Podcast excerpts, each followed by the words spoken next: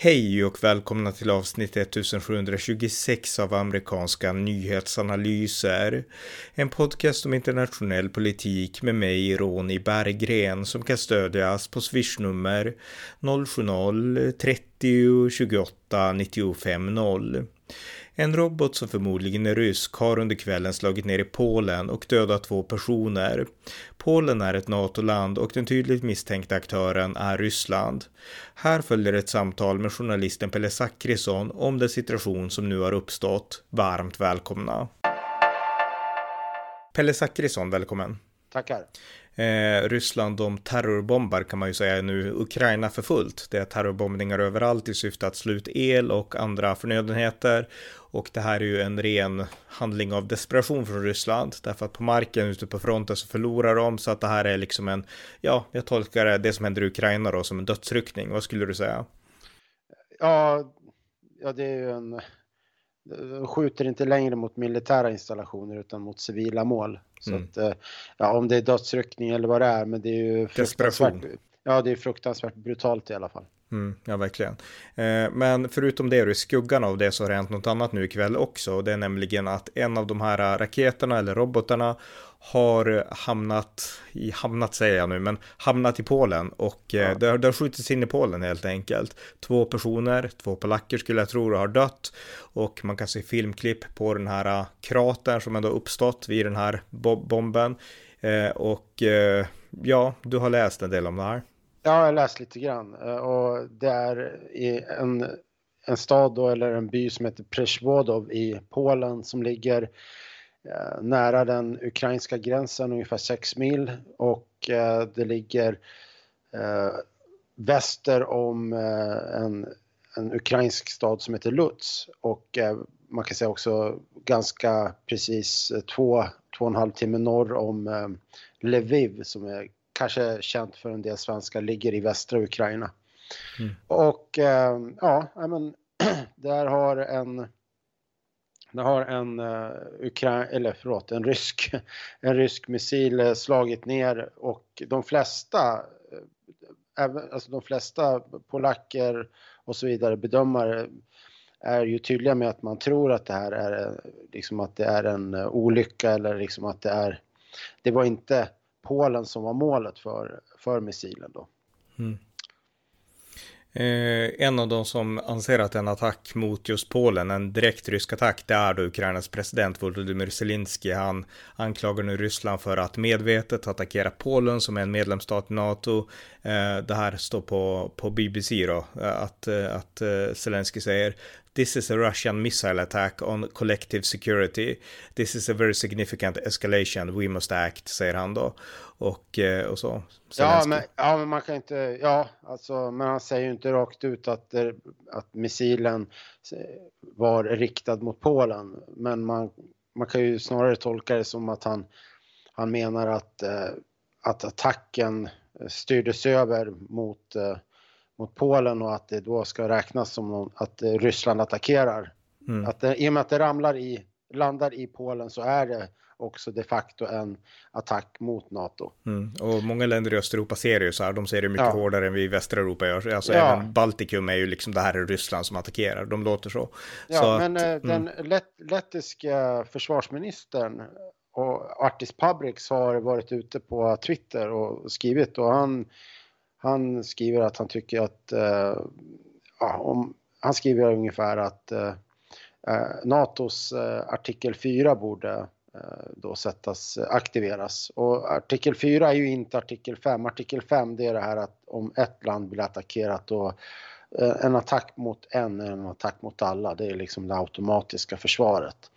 Men artikel 4 det innebär att medlemsländer kan, om de känner sig hotade av ett annat land.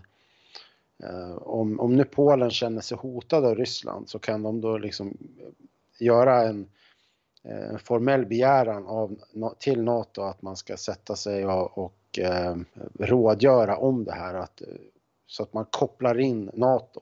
Mm. Så att mycket tyder ju på att NATO kommer att aktiveras i, efter den här händelsen. Om det, vad det kommer innebära, det vet vi ju inte. Nej.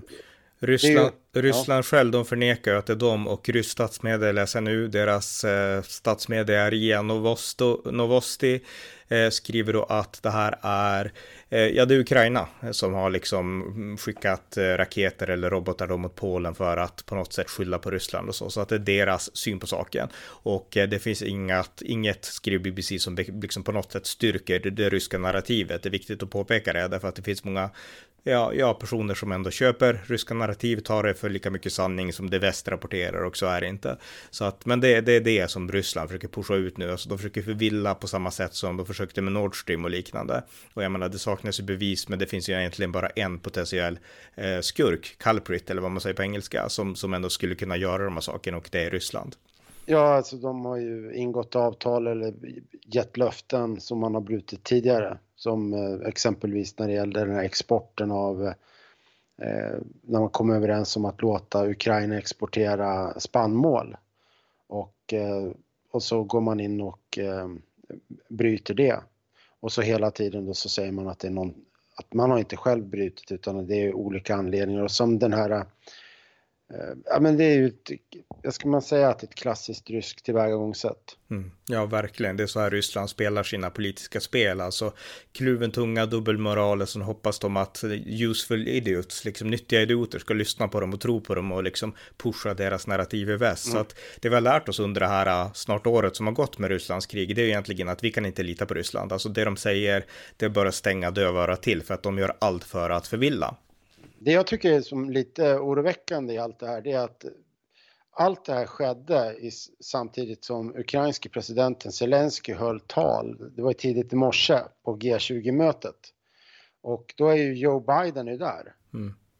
Och, och, det här mötet är i Bali och det är G20 då, det är ett mötesplats för världens 20 största ekonomier inklusive EU. Mm. Men och man börjar att göra den här äh, uh, ur sin besinningslösa bombningen av Ukraina samtidigt som världens ledande länder då, inklusive USA, är upptagna på ett möte liksom halva världen bort. Men det, finns, det finns en jättebra parallell till det och det är invasionen av Georgien. Den gjorde ju Ryssland samtidigt som det var OS i Kina i Peking och George W. Bush, USAs dåvarande president, han var i Peking, han fick inte liksom, ja han fick ju vetskap om det här, men det var ju liksom inte att han satt hemma i Vita huset i sitt situation room, utan det var ju liksom rådgivare som, som berättade liksom. Så att jag menar, mm. Ryssland har en taktik av att försöka göra på det här sättet, alltså när världen är distraherad, då gör man sådana saker. Men jag tycker att nu, det här är ju inte, en sån här sak går inte inte hemlighålla liksom. Nej, uh, ja, men vad, uh, vad ska man dra för slutsatser av det här då? Ja, det är en bra fråga. Alltså, jag läser nu att Polens eh, premiärminister Matsesus eh, Morav Morawiecki, han, han har kallat till ett eh, nödmöte då med, med ja, sitt nationella, sin nationella säkerhetsråd och eh, säkert med NATO också. Och, ja, Viktor, Viktor Orban i, Hung, i Ungern har också gjort det. Just det. Mm, mm. För att jag skulle säga om, om Ungern, där har en um, energiledning till Ungern har, har tydligen kapats då tidigare under dagen, eh, kanske kopplat då till det här uh, angreppet mot Ukraina. Uh, och det, den här, det energiberoendet gör att man dels det men också sen den här attacken mot Polen gör att man kallar till ett säkerhetsmöte. Det är ju liksom väldigt illavarslande. Mm, verkligen. Och USA då, som kanske, det är väl där det är mest intressant hur, hur USA ska svara. Där har en general Pat Ryder från Pentagon, som är Pentagons pressekreterare, han har sagt att eh, ja, eh, man har inga bevis tydliga för att det är Ryssland än, men så han vill inte spekulera. Men däremot så har USA varit glasklara, säger han då, med att eh, det var Biden som sa det när han besökte Polen, alltså att vi kommer att försvara varje inch av NATO, NATO territory, sa han. Och eh, det kommer USA stå fast vid, alltså beroende på vad man nu kan utröna om det här. Så att jag skulle, du frågade vad man kan dra, hur man ska tänka, jag menar, allt handlar ju om, kan vi få bevis för att det här var Ryssland? Och eh, jag menar, det vet förmodligen de flesta, eller vi kan förstå att det var det, därför att de har nyss bombat Ukraina. Men då är fråga två då, att gjordes det här med intention att attackera Polen, eller var det ett misstag? Det är ju en annan viktig fråga. Ja, ja men den tredje frågan, det är att även om det skulle vara en olycka, vad ska ska, ska, det är två, pols, det är två pol, polska medborgare som har dött. Mm. och ska då ska Polen och i förlängningen NATO låta någonting sånt passera ostört? För vad innebär det i ett nästa steg? Om, om Ryssland ser att det inte blir någon form av eh, konsekvens, vad, vad, innebär det att man bara låter någonting sånt här passera?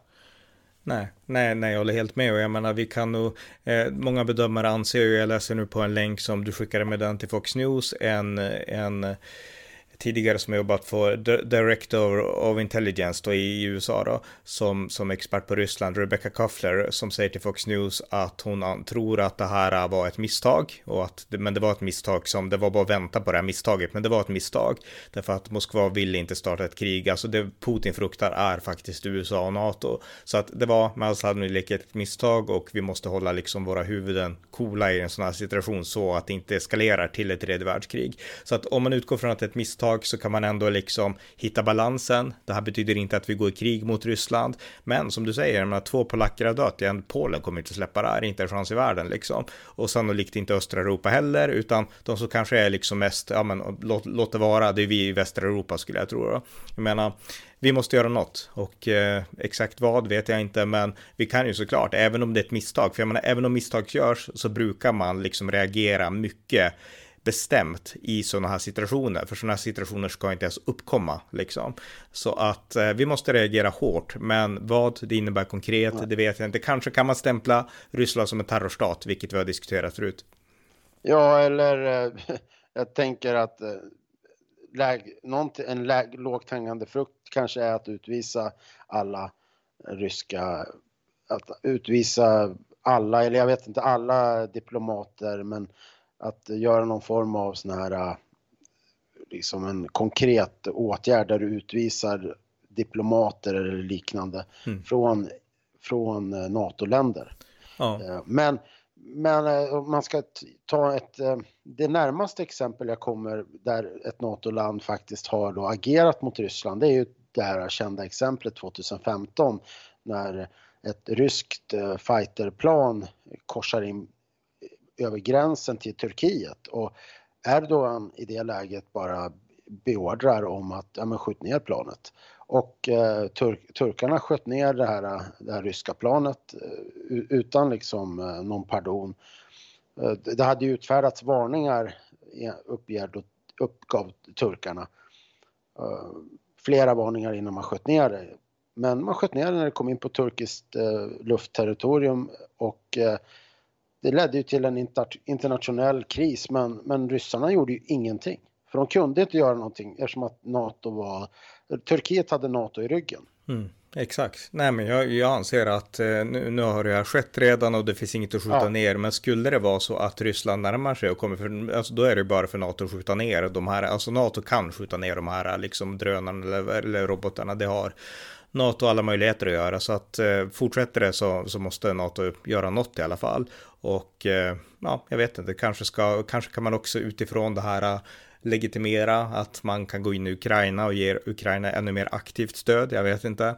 Eh, och ge dem ännu mer avancerat luftvärn och liknande. Men alltså, NATO kan inte förbli passiva. Det, det är helt... Det är väl den här, det här med att man skulle gå in i Ukraina, det är väl någonting som man skulle kunna överväga då för att man gör bedömningen att uppenbarligen så kan man inte skydda sitt eh, territorium enbart från sina, sin egna gräns, sina egna gränser. Och om då Ukraina bjuder in NATO, jag vet inte, men det går ju att göra det resonemanget i alla fall. Sen, sen tycker jag att det här, äh, någonting som glöms bort lite grann, det är ju äh, de här äh, besinningslösa attackerna från Ryssland på Ukraina, hur det slår ut städer och, och eh, alltså det, de mördar människor, skjuter mot civila mål men också att man eh, det är så fruktansvärt cyniskt, man slår ut kraftstationer.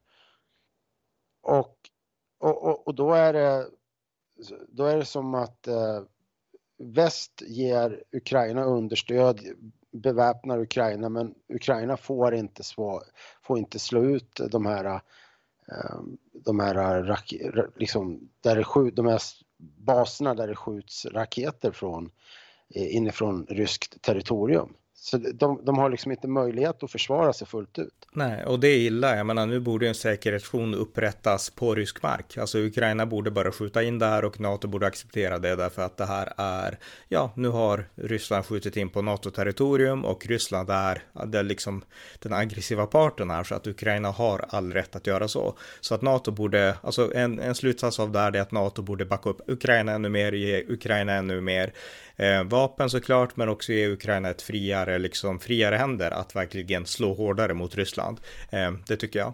Eh, ja, men får jag bara återvända till det här med att Ryssland, Ryssland förnekar den här raketattacken. Det tycker jag är illavarslande för att om de eh, om de hade sagt att ja, det var vi, men det var ett misstag, då hade ju saken kunnat vara eh, ur världen relativt fort ändå. Mm. Men, men nu förnekar man ju och då blir ju... Och man vill dessutom vända på det och få det till att det där ja. är NATO som försöker göra någon slags eh, skenmanöver för att eskalera. Så man vill lägga skulden för det man själv gör på NATO. Och det här är som vi var inne på nyss, alltså det här, det här är rysk taktik. De gör så här för att alltid kunna legitimera sig själv. Och det är lätt att bli förvirrad om man lyssnar på deras prat, men det är bara goja helt enkelt. Mm.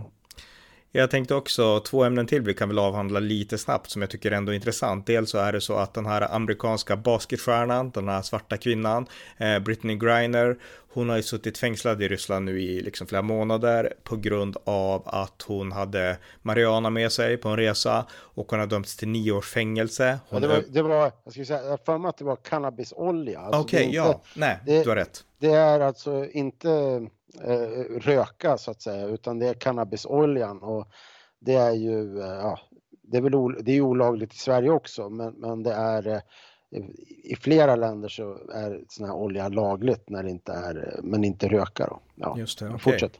Ja, men det, det är en viktig poäng där. Men hela poängen är att hon har fått eh, ett oerhört omänskligt hårt straff för en sån här sak. Och nio års fängelse och nu har hon också flyttat till ett, eh, ja, det man kallar en straffkoloni eh, på en plats norr om Moskva. Och när jag läst lite om den här straffkolonin och de här ryska straffkolonierna som finns så har jag läst att eh, många bedömare de säger att de här straffkolonierna det är alltså en modern variant av Gulaglägren som fanns under Sovjetunionen. Alltså det är straffläger, arbetsläger, det var exakt det Gulag var. Och att det här är Putins variant av dem och det har fått alldeles för lite uppmärksamhet de här lägren, men de existerar. Det är inte lika många som det var på Gulag, liksom hela Sibirien, liksom, men, men de finns och det här är, um, ja, det är inte bara ett vanligt fängelse utan det är ett arbetsläger. Ja, och, mm. ja. ja men det, jag såg, eh, det här var väl någon vecka sedan om just Britney Grimer Eh, och, det var fullständigt vedervärdigt. Då hade, då hade då, om det var fängelsechefen eller någon i ledningen där, då hade de erbjudit henne eller försökt få med henne att spela basket i någon form av uppvisningsmatch inne på fängelset. Mm. Och hon hade ju då tackat nej till det. Och det, det är, eh, alltså det är sån, vad ska jag säga, sån total avsaknad av liksom, människo, eh, människosyn. Och, alltså, människosynen är ju så avskyvärd. Eh, när man behandlar människor på det sättet, att de ska vara någon form av, liksom, blir som djur på ett zoo liksom. Mm. Det är fruktansvärt. Verkligen, och en sak till också som har att göra med, för men det här visar att ryssarna är brutala, alltså det här är barbarer, det är inte svårare än så. Eh, och eh, en sak till som hänt då, det är ju att det är en person i den här Wagnergruppen, den här ryska privatarmén som ändå lyder under Putin i grund och botten, som har fört skuggkrig över stora delar av världen för Rysslands räkning. Det var en grupp som bland annat Sverige använde för att motivera sitt tillbakadragande från Mali. Man sa att nu kommer Wagnergruppen hjälp, vi måste åka härifrån. Eh, och den här Wagnergruppen gruppen är, alltså i förhållande till västerländsk militär är den ingenting. USA spöder dem totalt i Syrien ska sägas. Eh, men de finns och de har funnits i Ukraina.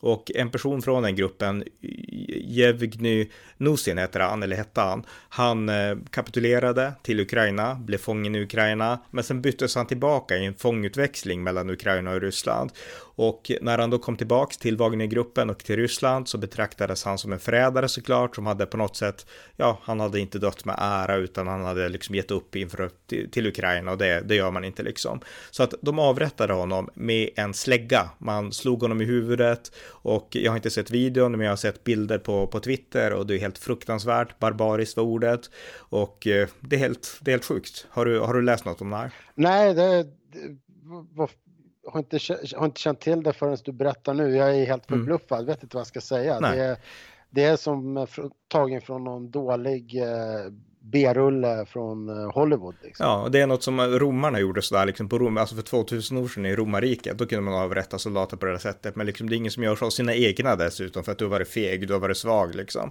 Så jag menar, det här visar att Ryssland är en totalitär regim, det här är inte demokrati, utan det är ett land, precis som på Sovjetunionens tid, där man styrs av fruktan. Fast med skillnaden att på Sovjetunionens tid, då var ju många, speciellt under andra världskriget, också väldigt djupt ideologiskt troende och indoktrinerade. Man trodde på Stalin man trodde på Sovjet, man trodde på kommunismen. Men idag så är det bara fruktan som styr. Eh, man tror inte på Putin, man tror inte på det stora Ryssland, utan det är, det är fruktan nu som driver det ryska maskineriet. Och det här är ju fruktansvärt för att spinna på det ordet. Och han var 55 år gammal den här mannen. Och eh, ja, vad ska man säga egentligen?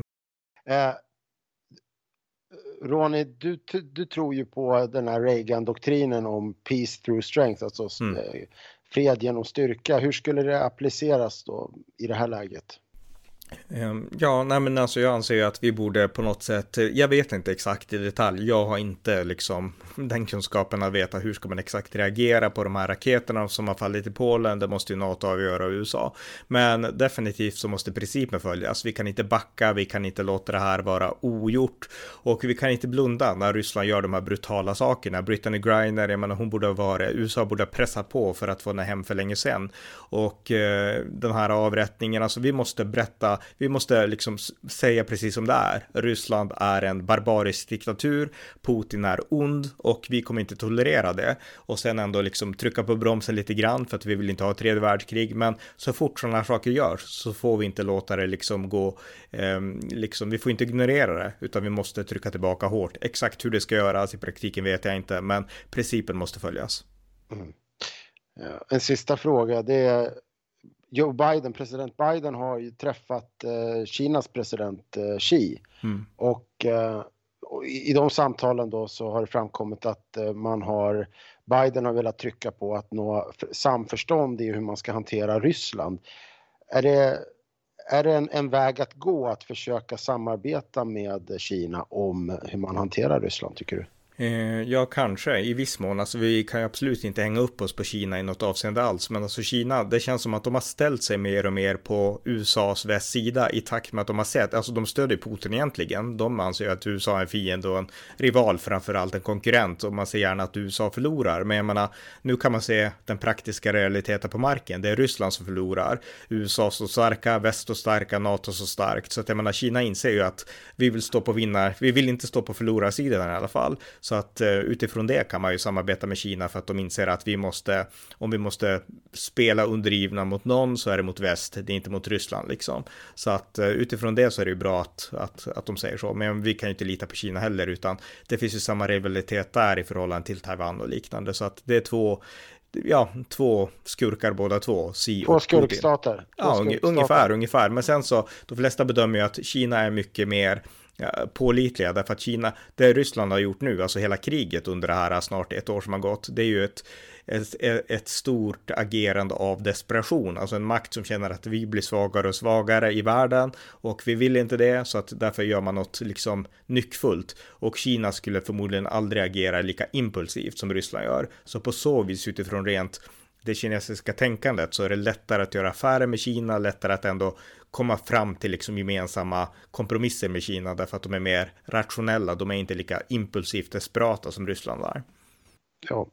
Ja, men vad bra, men då har vi helt enkelt eh, pratat om det och det här är det stora nyhetssamtalsämnet så att det börjar följa nyheterna också. Men det här var en input från oss så att eh, vi sätter punkt här. Tack Pelle. Tack. Ni har lyssnat till amerikanska nyhetsanalyser som är en konservativ podcast om internationell politik som ni gärna får stödja på swishnummer 070-30 28 95 0 eller via hemsidan på Paypal, Patreon eller bankkonto. Ge också gärna en gåva till valfri Ukraina-hjälp. Tack för att ni har lyssnat.